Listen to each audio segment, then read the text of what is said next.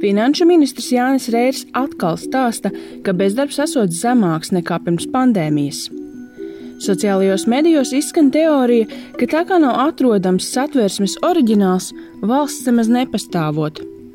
Lielu uzmanību guvis arī apgalvojums, ka vakcinētajiem cilvēkiem lidojot esot lielāks trombozes risks, tāpēc viņiem nesot pieejama ceļojuma apdrošināšana.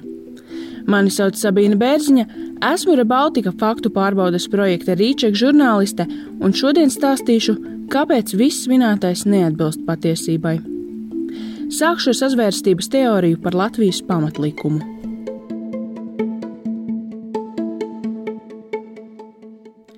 Pēdējās nedēļās dažādu sociālo mediju grupās daudz runāts, ka nav atrodams satversmes oriģinālais dokuments, Vairāki cilvēki, kas regulāri izplata nepatiesu informāciju par covid-19, tagad klāsta, ka tā dienā satversmes oriģināla nesot arī valsts. Ja nav satversme, tad kopumā vispār nekā nav. Un tā visas problēmas ar tām maskām un potēm un visu to tālāk, ko jums uzurpātori uzspiež, tā visa problēma atkrīt. Jo tāpēc, ka te nekā nav. Pilnībā tukša vieta. Tas ir fragments no video, kurā idejas piekritēji apspriež tālāko rīcību. Sociālajos medijos arī izplatīts aicinājums pulcēties pasākumā, kurā dedzināšot sejas maskas un vākšot parakstus ar pieprasījumu satversmes oriģinālo dokumentu parādīt. Tajā svētdien aizturēja vairākus cilvēkus. Taču ideja, ka nav dokumenta oriģināla, tāpēc satversme nav spēkā, ir absurda skaidro Latvijas Universitātes juridiskās fakultātes docents un konstitucionālo tiesību eksperts Jānis Pleps. Satversme ir likums, un likums, lai tas stātos spēkā un būtu saistošs, ir jāpublicē oficiālajā laikrakstā. Šajā ziņā no juridiskā viedokļa oficiālais vai tas oriģinālais dokuments ir principā šī oficiālā publikācija, kas atbilstoši tā laika regulējumam ir veikta divos oficiālajos izdevumos 1922. gadā pieņemtā satversme, tajā pašā gadā publicēta tā laika oficiālajos laikrakstos valdības vēstnesis un likumu un valdības rīkojumu krājums. Abus izdevumus jebkurš var apskatīt Nacionālās digitālās bibliotēkas kolekcijā Periodika LV. Savukārt pēc Latvijas valsts atjaunošanas satversmi publicēja oficiālajā izdevumā Latvijas vēstnesis. Pleps skaidro, ka oriģinālajam dokumentam būtu liela vērtība kā simbolam un artefaktam, taču nav pamata apšaubīt, ka mēs dzīvojam atbilstoši tādai satversmei, kādu parakstīja satversmes sapulces prezidents Jānis Čakste. Ka neviens no satversmes tēviem nav apšaubījis, ka tur viss ir bijis kārtībā, bet tieši pretēji viņi ir piemērojuši šo satversmi arī pirmās, otrās, trešās, ceturtās sājumas laikā, un, un joprojām tā tiek piemērota tas liecina, ka tā procedūra ir tikusi ievērota. Tātad satversmes spēks nav apšaubāms. Taču kur atrodas pamatlikuma oriģināls? Latvijas valsts vēstures arhīva direktors Kārlis Zvirgsdiņš stāsta, ka dokuments, ko parakstījuši un drukāšanai oficiālajā izdevumā sūtījuši Čakste un satversmes sapulces sekretārs Roberts Ivanovs, tiešām nav pieejams. Vēsturniekiem nav izdevies to atrast. Mēs droši nevaram apgalvot, uh, kas ir un kas nav arhīvā, jo vienkārši arhīvs ir liels un mēs visu nevaram izskatīt. Tā saka arhīva direktors Zvirgsdiņš. Viņš arī norāda, ka jāņem vērā viss, kas notika pēc šī dokumenta parakstīšanas. 1934. gada valsts apvērsums, kad satversme zaudēja spēku un Latvija kļuva par autoritāru valsti, kā arī neatkarības zaudēšana 1940. gadā. Jurists Pleps atgādina notikumus saistībā ar Lietuvas neatkarības deklarāciju. Dokumenta oriģināls esot pazudis pēc tam, kad Lietuvu okupēja Padomju Savienība. Tam bijušas piecas parakstīšanas laikā izveidotas kopijas, taču arī no tām saglabājusies tikai viena. Pirms trim gadiem to kāds vēsturnieks atradis Berlīnas arhīvā. Vācija uz Lietuvas simtgadi to valstī atkal aizdevusi. Tas, protams, nebija pamats apšaubīt Lietuvas pastāvēšanu. Tik tālu par satversmes oriģinālu meklējumiem. Turpinājumā pastāstīšu par trombozes risku lidojot.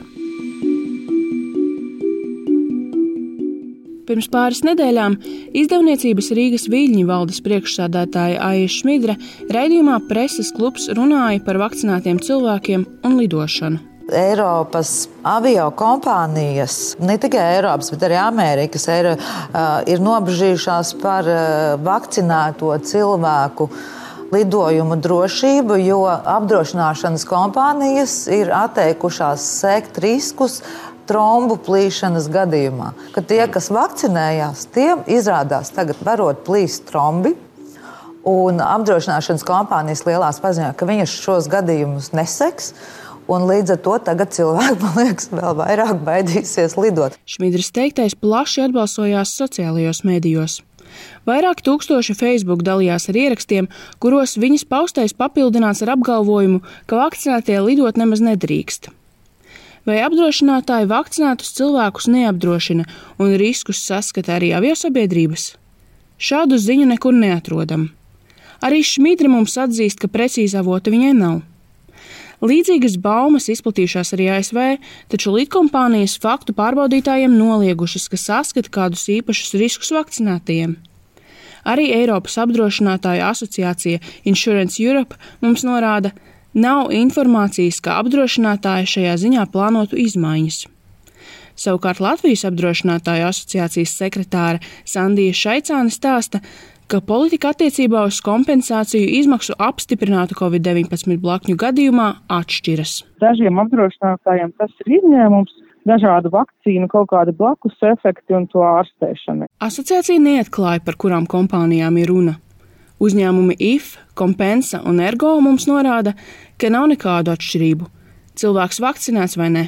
Savukārt kompānijai Balta ir izņēmums attiecībā uz blakņu ārstēšanu. Proti, Apdrošināties var visi, taču gadījumā, ja ārsts apstiprina, ka problēmas radušās tieši vakcinācijas dēļ, ārstēšanās izdevumus balta neseks. Šādu gadījumu gan nesot bijis. Vai lidošana vakcinētajiem tiešām ir riskantāka? Ārsti to noliedz. Paula Stradiņa Kliniskās Universitātes slimnīcas zinātniskā institūta vadītājs profesors Dainis Krieviņš skaidro, ka 10, 12, 14 stundu lidojumi saistās ar paaugstinātu trombozes risku, visbiežāk kājās, jo viens no riska faktoriem ir maskustīgums. Taču Krieviņš norāda, ka trombs veidojas kombinējoties vairākiem faktoriem. Šādu pierādījumu, ka Covid vakcīna izraisīs trombozi lidojot, tas tie ir maldi, tā ir mānīšanās un, un noteikti nav pierādīts, ka kāds pārslimojis. Ir, ir mazāks risks pēc covid nekā kādam, kurš saņem šo vakcīnu. Gan valsts galvenais infektologs Uga Dumpis, gan Zāļu valsts aģentūra mums norāda, trombi, kam ļoti retos gadījumos ir risks veidoties saistībā ar dažām vakcīnām, ir specifiski. Tie atšķiras no dziļo vēnu trombozes kājās, kas var veidoties ilgos lidojumos. Saistībā ar AstraZeneca un Janssen vakcīnām var rasties trombozes un trombocitopēnijas sindroms. Ļoti reti sastopama problēma, kad veidojas asins trombi un vienlaikus ir arī zems trombocītu skaits. Eiropas zāļu aģentūra lēsusi, ka problēma varētu skart vienu no simts tūkstošiem vakcinēto. Tātad vakcinētiem cilvēkiem nav lielāks risks lidot, un arī atšķirīgā attieksme no apdrošinātāju puses drīzāk ir izņēmums. Noslēgumā par to, vai bezdarbs atgriezies pirms pandēmijas līmenī. Valdībā norit diskusija, vai jāpagarina Covid-19 atbalsta programmas uzņēmumiem, darbinieku dīkstāves pabalsti un algas subsīdijas. Pēc ekonomikas ministra aicinājuma to izvērtēt, Finanšu ministrs Jānis Reirs no jaunās vienotības kolēģiem teica, ka bezdarbs kopumā vairs nav problēma. Tas esot mazāks nekā pirms pandēmijas. Bezdarbs ir mazāks nekā sākā, sākās Covid. Kāda palīdzība, kolēģi? Līdzīgi ministrs izteicās pirms mēneša.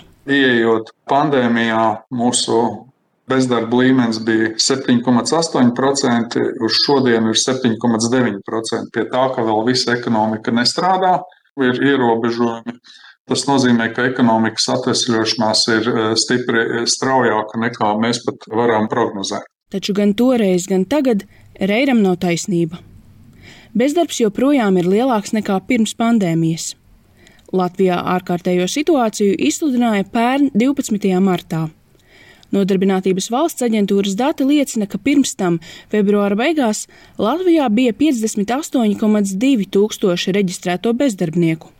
Šogad jūnija sākumā teju par 10,5 tūkstošiem vairāk. Reira padomniece Mudrīta Grundula tāpat kā iepriekš skaidroja, ka ministrs kā atskaites punktu izmantoja reģistrētā bezdarba līmeni aprīļa beigās. Tam nav nekāda pamata. Pandēmiju izsludināja marta vidū, un jau marta otrajā pusē bija slēgtas mācību iestādes, liekti publiski pasākumi un slēgtas robežas. Daudzi uzņēmumi jau bija atlaiduši darbiniekus. Tad reizes turpina maldināt par bezdarba līmeni, radot situāciju labāku nekā tā ir īstenībā. Raidījumu veidoju es, pētnieciskā žurnālistikas centra Rebaltika, faktu pārbaudas projekta Rīčeka žurnāliste Sabīna Bērziņa, speciāli Latvijas radio ziņu dienestam.